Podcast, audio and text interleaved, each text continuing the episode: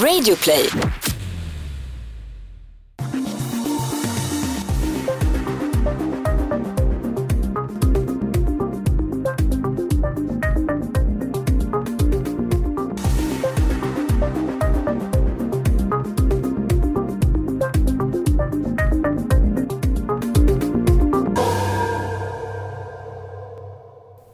På er och välkomna till ett nytt avsnitt av Mordpodden.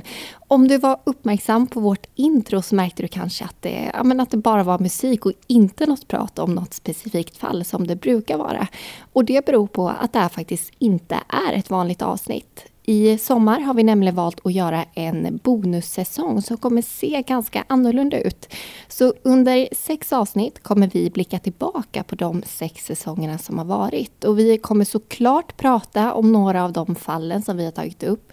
Men den här säsongen den är inte tänkt att vara en återupprepning av det ni redan har lyssnat på, för det blir ju inte så intressant, utan vi ser det här mer som extra material kan man säga.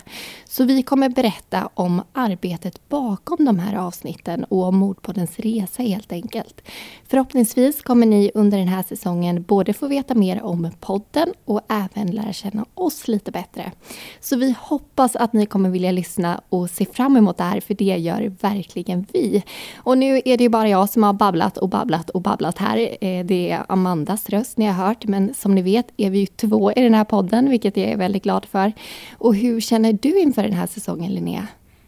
Jag känner mig förväntansfull. Alltså jag känner mig alltid förväntansfull när det är en ny säsong som ska igång. Det pirrar lite så i magen när jag tänker och hoppas att det ska tas emot väl. Mm. Men samtidigt så känner jag extra mycket så inför just den här säsongen för att det är någonting annorlunda, det är någonting som vi inte har gjort tidigare och det är både läskigt och samtidigt är det jätteroligt att bara släppa den här strukturen vi har haft och jag skulle vilja säga vara lite mer fri, vara lite mer sig själv. För ibland kan jag känna att vi fastnar lite, eller jag fastnar lite i att vi är journalister, vi pratar om ett allvarligt ämne eller allvarliga ämnen.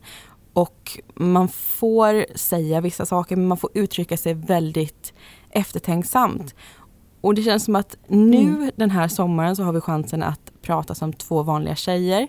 Vi är två vanliga människor och vi ska bara prata om våra upplevelser och också blicka tillbaka precis som du sa. Och jag tror att det kan bli jätteroligt. Ja, men jag håller verkligen med, för det, det går ju inte att vara personlig i det här sammanhanget som, ja, men som vår podd handlar om, för vi tar ju upp det värsta som kan hända. Eh, och det blir ganska absurt om vi skulle prata lättsamt mitt i det. Det går ju inte. Eh, men nu så ska vi prata om själva poddens resa, så jag hoppas att ni som lyssnar kan se skillnad på det. Att när vi är glada så är vi ju inte glada för de här händelserna vi berättar om såklart, utan för själva poddens resa och det arbete som ligger bakom. Och samtidigt så är jag lite nervös över det här. Eh, jag vet inte hur du känner, men vi är ju väldigt mm. manusbaserade annars. Och det är vi ju inte utan, eh, nu, utan vi ska ju liksom prata fritt. Och jag tycker alltid det är lite läskigt att inte ha den här kontrollen. Eller hur känner du? Jo, jag håller med. Vi är ju de självutnämnda tjejernas struktur och det är ju för att vi båda är kontrollmänniskor. Vi vill ha koll på allting innan det händer. Men eh, ja. jag tror att vi kan göra det här bra ändå. Och jag har alltid varit eh, en kontrollmänniska. Jag vet när jag var liten. Eh, jag kanske var, men gick i ettan och så hittade mamma mig på mitt rum och jag storbölade. Och så, så sa hon, ja men vad, vad är det Amanda liksom? Och då sa jag det att då skulle vi ha en ny lek på idrotten dagen på. Och jag visste inte hur man gjorde den här leken. Eh, och jag var helt förtvivlad och mamma försökte trösta mig och sa, men Amanda, det är ingen i klassen som vet hur man gör det här. Men jag var så rädd att jag inte skulle förstå hur man gjorde, att jag eh, skulle förstöra för någon annan. Så jag har liksom alltid varit så att jag vill veta innan att någonting kommer bli bra. Och nu mm. är det ju inte att jag, att jag gråter över sådana här saker, men jag kan ändå känna att shit, nu gör vi någonting helt nytt. Vi vet inte vad lyssnarna kommer tycka eller om det kommer bli bra eller inte. Men, men jag tycker ändå det är värt att testa det här. Ja, det tycker jag du har helt rätt i. Och vi ska väl börja det här avsnittet, eller vi ska börja varje avsnitt har vi väl sagt, att prata om eh, Mordpoddens resa just. Alltså det ska väl bli lite som en följetong den här säsongen att vi drar igenom och vi pratar om specifika delar kring hur arbetet med podden går till och hur det gick till från när vi började arbeta med det och till där vi sitter idag. Och jag tycker vi kan hoppa tillbaka just nu till 2016 och platsen där allting började. För det var ju faktiskt i skolbänken för oss. Ja, jag tror det är just det som gör vår resa ganska unikt. Alltså att det började som ett skolprojekt. För annars så kanske man drar igång en podd och tänker nu gör jag en podd för att det ska bli en stor podd. Eh, men det var ju verkligen inte vårt utgångsläge utan det var ju ett skolprojekt. Vi gjorde det här för att få bra betyg i skolan. Det var ju därför vi fokuserade på att göra den här produkten så bra som möjligt.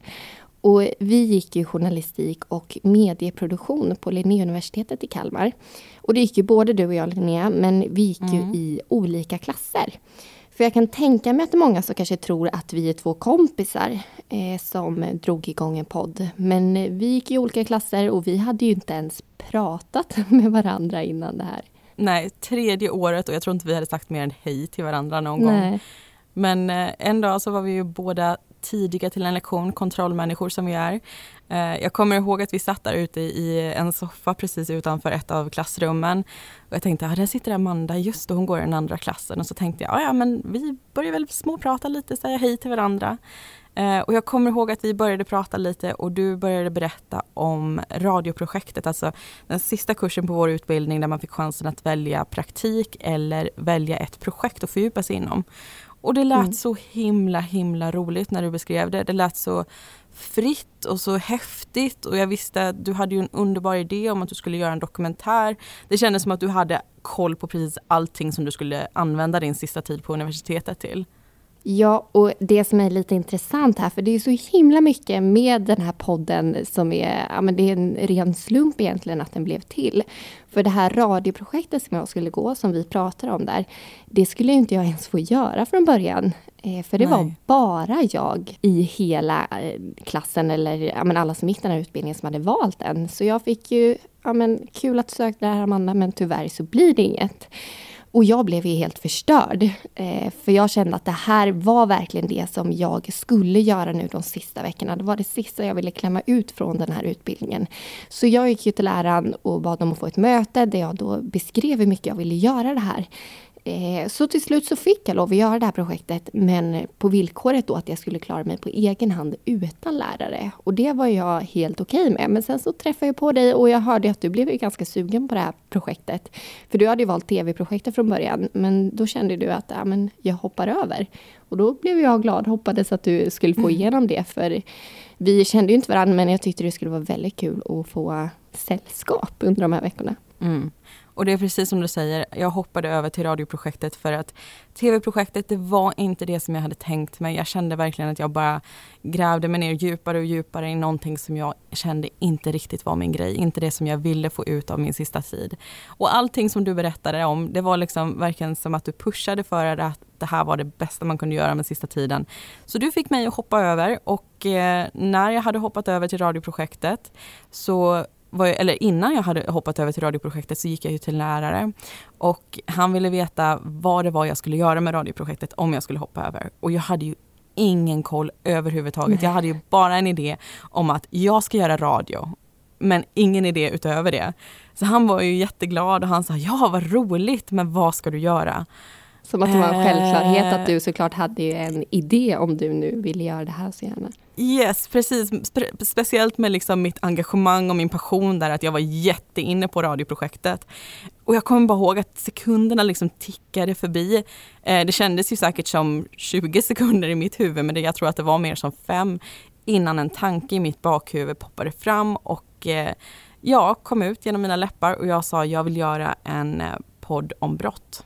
Tänk om inte den idén liksom bara hade kommit till dig där och då. Du hade ju mm. kunnat sagt någonting helt annat och då hade det ju blivit någonting helt annat. Så det, ja. det, är lite skrämmande men samtidigt så är det ju väldigt häftigt tycker jag. Och sen alltså bara att jag vet ju i efterhand, jag vet idag att jag har väldigt länge varit intresserad utav eh, vårt svenska rättssystem, av brott och allting som just rör de här områdena. Jag har hållit på med det med föredrag kring det sen jag gick eh, tillbaka i skolan, längre tillbaka på gymnasiet och så.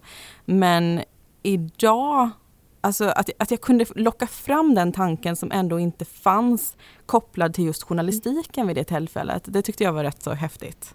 Ja, verkligen. Och då när vi helt plötsligt blev två stycken i det här projektet så tyckte lärarna att vi skulle göra någonting tillsammans. Och jag hade ju som sagt tänkt att göra en dokumentär men sen när jag hörde att du tänkte göra en podcast om mord så tyckte jag att det lät väldigt intressant.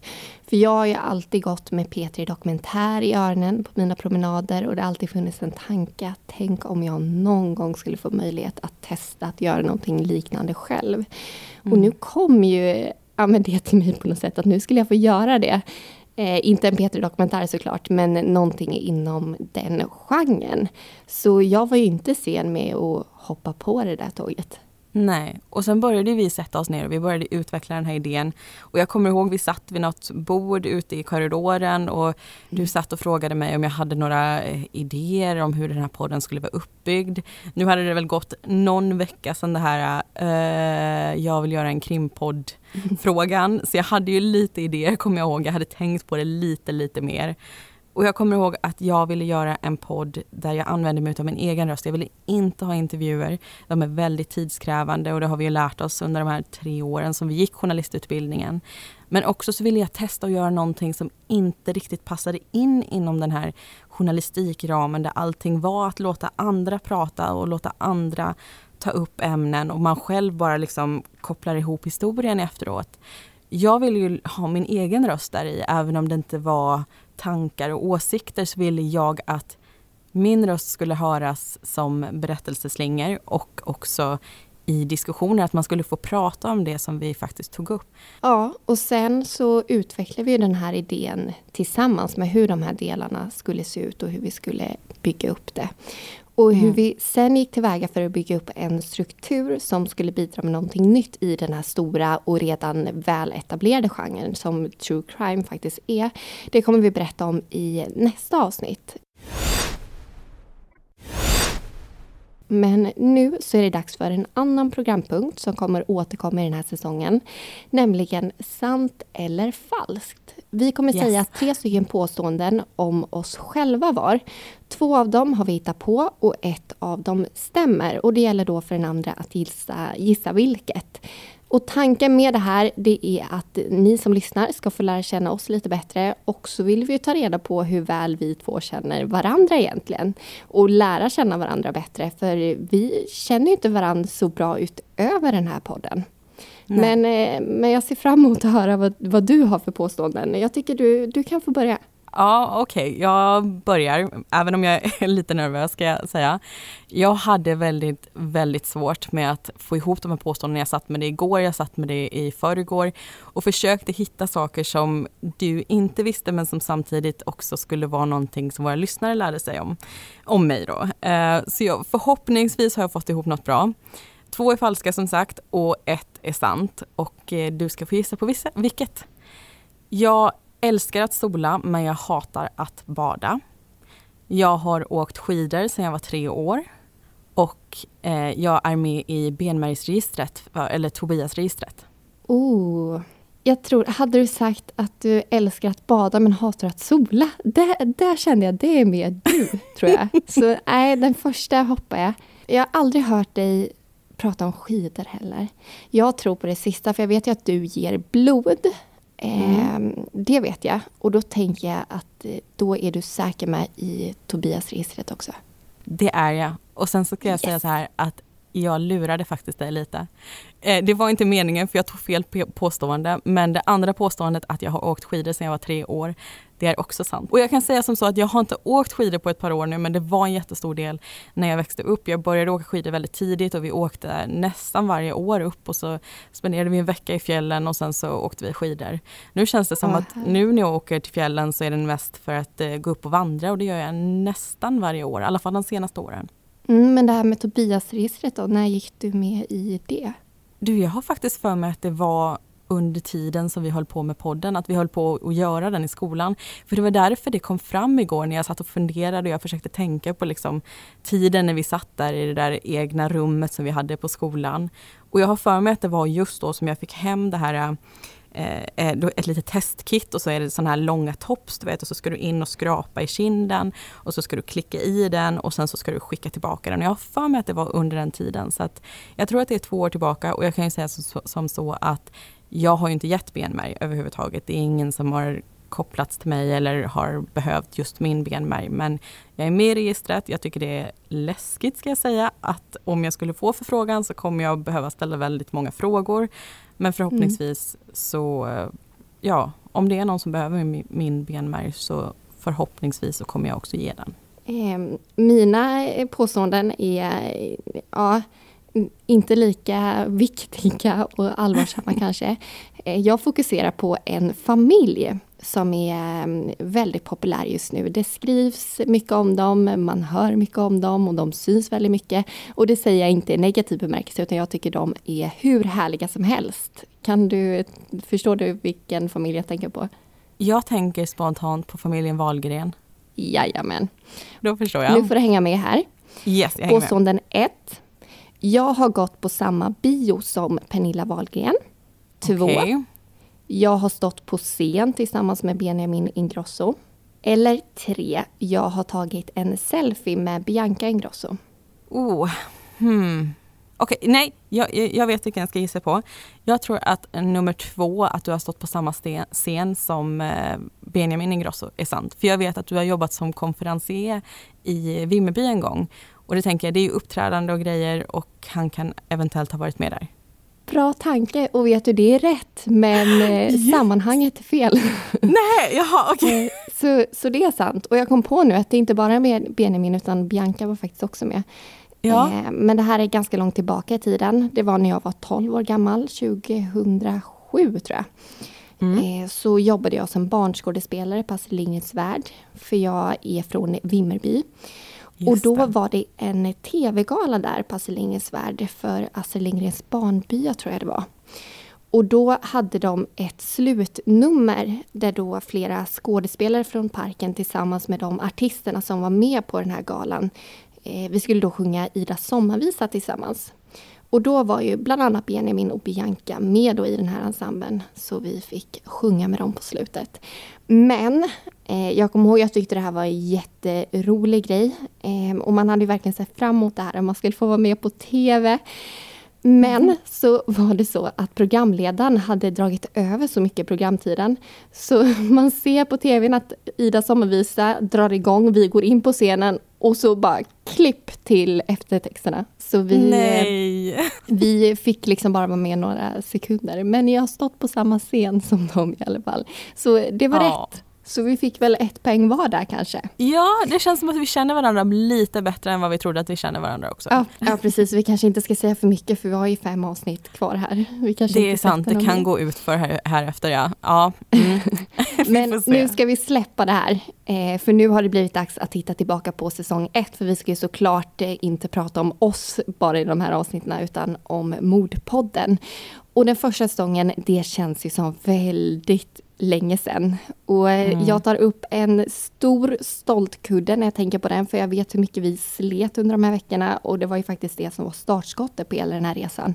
Men jag tar mm. också upp en liten skämskudde när jag tänker på den, för det känns som att eh, podden var inte vad den är idag riktigt. Nej, jag, jag håller faktiskt med dig, både om skämskudden och stoltkudden. Att vi, vi borde vara väldigt, väldigt stolta över det som vi faktiskt åstadkom under den här tiden. Det här är den första gången som vi gjorde podd, det är första gången jag gjorde ett radioprogram på det sättet känns det som. Och vi gjorde om, vi jobbade väldigt, väldigt hårt med det, precis som du sa. Och eh, det här, även om det inte är det bästa jobbet vi någonsin har gjort, det här är den säsong som kickstartade vår karriär. Vi har blivit poddare tack vare den säsongen. Det öppnade mm. jättemånga dörrar. Vi var med i Nyhetsmorgon, vi fick vara med på Radio Play och jag tycker vi ska vara stoltare än jag känner att jag själv är ibland. För ibland kan jag tycka att när någon slår på ett avsnitt från vår första säsong så vill jag hålla för öronen lite så här. Jag känner bara, åh, lät jag sådär? Lät jag sådär tillgjord eller pratade jag så, så långsamt? Men det är inte någonting som vi ska skämmas över. Det här är anledningen till att vi står här som vi står idag. Ja, och jag säger alltid det att om någon inte har lyssnat på podden och ska göra det så säger jag alltid, ja men börja inte med, med den första säsongen. Men precis som du säger Nej. ska vi ju vara stolta och sen på ett sätt är det ju faktiskt bra, för det är klart att man vill utvecklas. Det vore väl jättetråkigt om vår bästa säsong var den första säsongen. Det har ju hänt någonting både med oss och med podden under de här åren och det ska det väl göra på två år känner jag också. Det är ju det är ju bara helt naturligt. Men om mm. vi tänker på hur podden såg ut då eh, jämfört med idag så hade vi till exempel ljudeffekter i de två första avsnitten, eller två av avsnitten i alla fall. Yes, eh, det, det är jag väldigt ihåg. glad att vi tog bort. Ja, det funkade det... inte riktigt så som vi ville och sen tog det väldigt mycket tid också. När man ska ja, göra sina det. egna ljudeffekter bara för att det ska vara någonting som hörs i en halv sekund eller två, tre sekunder. Det, det är inte riktigt det vi är ute efter idag. Nej, och sen känns det fel för det är ju verkliga händelser vi tar upp. Eh, och när man tar ljudeffekter, det, det, bara, det funkar inte tillsammans och det hörde ju vi direkt. Så det var ju någonting som vi tog bort på en gång. Sen mm. pratade vi väldigt långsamt. Även om yes. ni kanske tycker att vi fortfarande gör det så är det ingenting med den första säsongen. Och diskussionerna skulle jag nog säga är kanske det som har ändrats mest. För då hade vi ganska mycket egna åsikter. Och vi pratade mycket om det man precis hade hört. Vi kom liksom inte vidare i det här fallet eller i historien och gav mer information. Utan vi pratade om, om det man redan hade hört. Så det gav inte så mycket. Men det är någonting vi har jobbat väldigt mycket med. Och det var ju ganska svårt också det här med diskussionerna. För vi kände ju inte varandra. Nej. Och sen tror jag också att alla de här valen som vi gjorde, eller i alla fall många av de val som vi gjorde till säsong ett, det är ju för att vi trodde aldrig vi skulle ha den publik som vi har idag. Vi trodde Nej. att det här var ett skolprojekt. Vi tänkte att ja, men vi släpper på fria tyglar, vi gör det som passar oss. Och vi tänkte inte på hur många som skulle lyssna på det eller hur det skulle påverka de som lyssnade. Vi tänkte att de som lyssnar, det är min mamma, det är min pappa, det är din mamma och pappa, det är syskon, det är lite släktingar här och där. Men det är liksom, det är vår bubbla när vi började den här säsongen, när vi började det här projektet. Det var så litet och då tänkte vi att vissa delar av det här kanske inte var så viktigt så man kunde ta ut svängarna, man kunde testa saker och det gjorde vi och det är därför vi också har blivit bättre idag känner jag. Ja, vi hade ju ingen tanke på att människor som vi inte kände skulle lyssna på det här. Eh, och sen så kommer jag ihåg just där när vi satt med den första sången. Vi hade vårt eget rum på skolan. Det kändes som vi levde i en liten bubbla. Vi var där hela dagarna och bara jobbade med det här. Bara du och jag. För det var ja. ju inga fler elever i det här projektet. Vi hade ingen lärare. Eh, vi hade lärare som vi bollade väldigt mycket med och som vi fick stor hjälp av. Men vi hade ju ingen som gav oss föreläsningar eller sådär utan vi fick ju ta reda på allting på egen hand. Vilket jag också tror är en av anledningarna till att det blev som det blev. För vi hade inga ramar som stoppade oss från att göra det här precis som vi ville göra. Eh, och vi valde ju Småland som ni känner till som det första, den första säsongens eh, geografiska avgränsning eller vad man ska kalla det för. Och det mm. beror helt enkelt på att vi var ju från Småland och vi var intresserade av att ta reda på vad som hade hänt här. Och jag vet att vi pratar mycket om att ja, men kan man göra en hel säsong om bara Småland? Mm. Men det är ju någonting som har förvånat oss, eller nu, jag ska inte prata för dig, men mig i alla fall väldigt mycket, att oavsett vilka ställen vi tar upp så finns det ju tyvärr väldigt mycket mer händelser än vad man kanske kan tro. Ja, Småland var inte svårt att hitta fall till kan vi säga. Det var åtta fall som vi valde ut till den första säsongen och jag tror att vi hade säkert 20 fall när vi började liksom begränsa och titta på vilka fall ska vi ta upp, vilka hinner vi med att göra. Och jag kommer ihåg mm. att från början så tänkte vi att under de här, jag tror det var 15 veckor vi skulle producera poddavsnitt under de veckorna så tänkte vi till en början att vi skulle göra tio avsnitt och sen insåg vi att det går inte att göra tio avsnitt. Vi jobbade varje Nej. dag, tidigt från måndagen och liksom sent varje dag och sen så på söndagen och lördagen och allting. Allt var inbokat, allt var fullt i schemat. Vi fick inte tid till att bli sjuka, vi fick inte tid till att saker skulle ta mindre tid eller mer tid än vi trodde att det skulle ta. Så det var, det där schemat det var galet kommer jag ihåg. Verkligen. Och om vi ska tänka på ja, lite höjdpunkter under den här mm. tiden eh, så är det dels topplistan tycker jag. Det var ju då vi förstod att podden faktiskt hade nått ut. När vi såg att vi klättrar på den där listan väldigt, väldigt snabbt. Eh, men sen är det också ett mejl som, eh, som har fastnat hos mig. Jag kommer såklart inte säga från vem det var. Men det var från en person som var nära anhörig med en polisutredare till ett av fallen som vi tog upp. Och hon mm. skrev till oss och tackade för att vi hade gett henne en stund med sin pappa som tyvärr då hade gått bort. Och jag ser framför mig, jag vet var vi satt eh, och jag vet när vi läser det där och vi blev helt tårögda och det var också då vi förstod att den här podden når ut till människor och hur mycket det kan påverka människor. Eh, mm. och att vi faktiskt kan hjälpa människor med den här podden. Och det var som en liten uppenbarelse och någonting som jag verkligen har tagit med mig. Mm. Jag kan bara hålla med. Jag kommer ihåg det där vi satt, jag kommer ihåg att vi läste det, jag kommer ihåg att vi satt bredvid varandra och vi var väldigt, väldigt tysta. Och det är, alltså, det är ett av många, många mejl som vi har fått genom åren men det sitter verkligen fortfarande kvar som ett starkt minne. Och det är sådana mejl som får oss att bara vilja fortsätta med podden i nästan hur många år som helst framöver för det är en mm. sån häftig känsla att känna att man kan beröra en människa, hjälpa en människa på det sättet. Verkligen. Och om vi nu ska gå in lite på ett par av de fallen så tänkte jag att vi ska prata lite om det allra första avsnittet som då var mordet i Norra Förlösa. Men även om det var det första avsnittet vi publicerade så var det faktiskt inte det första avsnittet vi spelade in utan avsnitt två och tre som var hedersmordet i Högsby och modellmordet utanför Växjö var de eh, fallen vi började med. Men sen kände vi att Norra Förlösa, det ska vara starten. För det, jag vet inte, det symboliserade det vi ville med den här podden på något sätt. Och jag förstår, det här var ju länge sedan, eh, så jag kan ju bara dra igenom lite snabbt vad det här handlar om. Göran försvann spårlöst från sitt hem 2012 och det var först två år senare som den här märkliga gåtan fick ett svar. Och det var ett svar som nog ingen hade väntat sig. Han låg nämligen nedgrävd och ihjälskjuten bara några hundra meter från sitt eget hem. Och hans ena dotter och svärson dömdes för det här mordet. Och det som är så unikt med det här fallet är att det faktiskt löstes av en privatperson, Therese, som var med i Missing People. Och Simon, som vi har valt att kalla svärsonen, blir förtjust i henne. Och 2014 bestämmer de träff med varandra. Simons förhoppning är förmodligen att de ska komma närmare varandra medan Therese hoppas på att han ska avslöja någonting för henne om Görans försvinnande.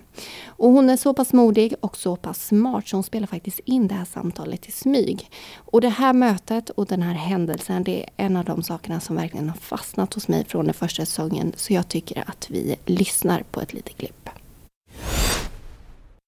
När Simon anländer till lägenheten så är han uppenbart nervös. Therese bestämmer sig då för att själv agera motsatsen. Visar hon sig vara stark, så är hon det. De pratar om vardagliga ting, men kommer snart in på allvarligare ämnen. Simon berättar att hans pappa har cancer och hur hans förhållande med Julia håller på att falla isär. Therese styr in samtalet mot Görans försvinnande. Där medger hon högt och tydligt att hon är säker på att Simon vet mer än han säger. Hans svar är dock veliga och halvdana och Therese förklarar hur hon förstår honom, hur hon kan läsa honom. Och reaktionen, det blir som att trycka på en knapp. Simon berättar att han vet vad Göran är han är inte försvunnen. Han är död. Och det är inte bara Simon som vet om det. Julia, som utåt sett verkat vara så orolig för sin pappa, visste hela tiden exakt vad som hade hänt. Simon hade avfyrat det dödliga skottet. Men planeringen, den hade de gjort tillsammans. Under två års tid hade de kommit undan med mordet under två års tid sökte polis och Missing People efter en man som var begraven 700 meter ifrån sitt eget hus. Ja, det var ju ett litet exempel från den första sången och det låter lite annorlunda faktiskt. Men, eh, men det är ett väldigt starkt klipp som, som har fastnat hos mig. Och någonting som vi frågar om väldigt mycket det är vad som händer med de här personerna vi pratar om efter att de här händelserna är över. Mm. Eh, och det har hänt en ganska stor grej i det här fallet och det är att Simon som då dömdes för det här, vi har valt att kalla honom för Simon, han heter inte det egentligen. Han mm. misshandlades grovt inne på Kumlaanstalten 2015 av två andra morddömda män. Och han har uppgett att han själv trodde att det berodde på att han ansökt om resning och att det hade spridit sig då på den här anstalten att han tänkte namnge vem den så kallade riktiga mördaren var. För han själv menar att han är oskyldig. Och att då det här golandet skulle vara anledningen till misshandeln. Och en av de som misshandlade honom var redan dömd till 18 års fängelse men fick då ett år till på grund av det här. Mm. Så det är en liten inblick, precis som du säger, till vad som hände efteråt i ett av våra fall. Och en sak som jag tänker på när jag tänker på just den här första säsongen, det är ju att vi valde ju just de här fallen utifrån våra egna intressen. Vi hade ju ingen input ifrån lyssnare vid det tillfället, för vi hade inga lyssnare. Och vi valde ju helt enkelt fall som intresserade oss av olika anledningar. Om det var geografisk närhet till exempel. Som i det sjunde avsnittet, studentmordet i Jönköping. Där pratade ju vi just om vad som gör att vissa händelser berör mer än andra. Och jag tänkte att vi ska lyssna på ett litet klipp som pratar om just det. Och sen tycker jag vi kan prata om liksom så här, varför en sån här nyhet berör så mycket som den faktiskt mm. gör till en början. För vi har ju pratat lite om det här genom vår utbildning. Att vi har lärt oss om varför man identifieras med vissa människor eller vissa situationer mer än andra. Och det finns ju faktiskt tre stycken punkter på den listan som man kan bryta ner det till. Ja, för det handlar ju om nyhetsvärdering. Alltså vad tycker man är intressant och varför och vad blir man berörd av? Och då finns det tre faktorer som handlar om närhet egentligen. Mm. Det handlar om tidsmässig närhet, geografisk närhet och kulturell närhet. Om vi börjar med tiden. Mm. När det kommer till tiden så är det ganska simpelt faktiskt att ju närmare det ligger i tiden desto mer tycker man att det är intressant. Händer det igår så vill jag läsa om det mycket hellre än om det hände för ett år sedan. Och det här med geografiskt, det är ju som att vi vill att det ska vara ju närmare desto bättre. Händer det i min stad så är det bättre än om det händer i Sverige. Och om, man, det... om man utgår från nyhetsvärdering, för man blir ju mm. mer berörd, tycker att det är värre om det händer nära en själv.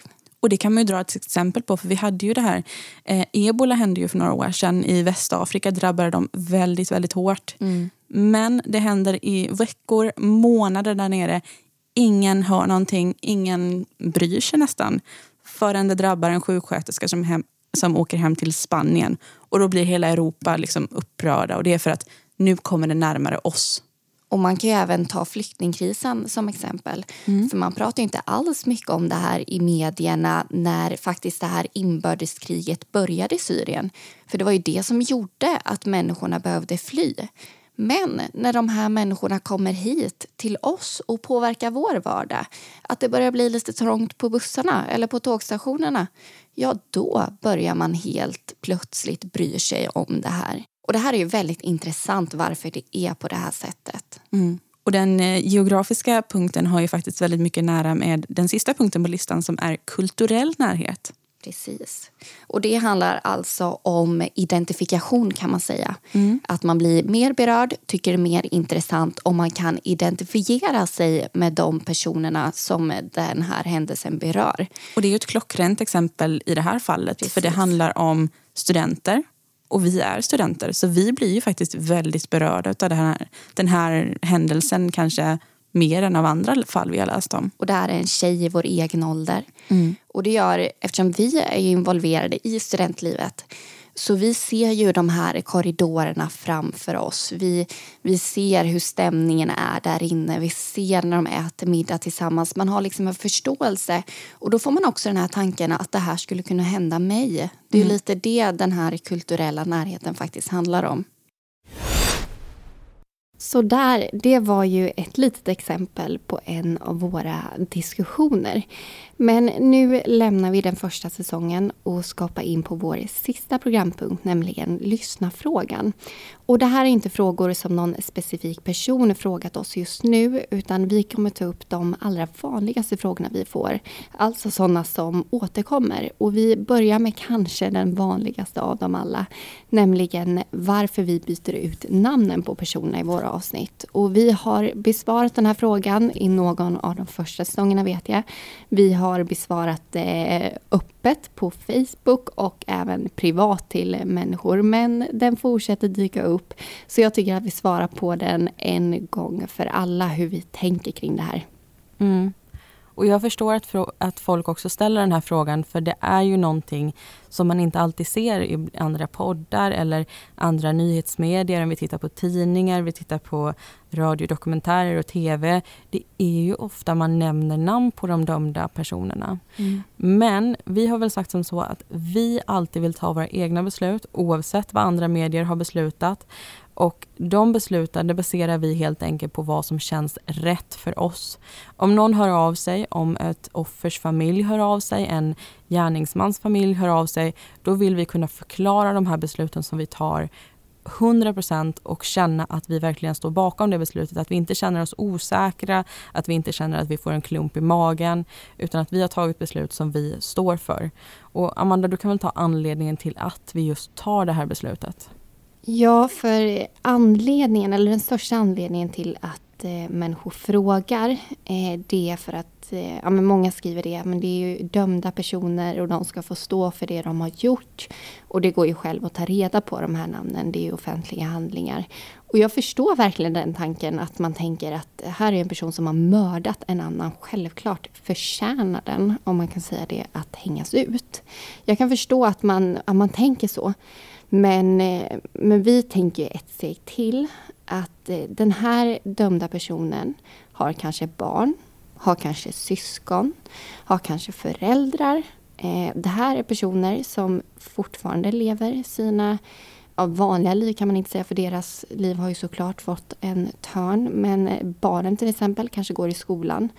Och om vi då gräver fram det här, berättar vem som har gjort det så är det tyvärr de här barnen eller anhöriga, eh, vilka det nu kan vara, som får ta smällen. Som tyvärr blir väldigt illa behandlade mm. eh, när sånt här dras upp igen. Och det är ingenting vi vill eh, bidra med. Och det är ju den största anledningen till att vi väljer att inte eh, använda de, de riktiga namnen. Och sen som sagt, det är självklart går det att ta reda på det på egen hand. Men då är det inte vi som har serverat det här utan det är ju andra som har tagit andra beslut.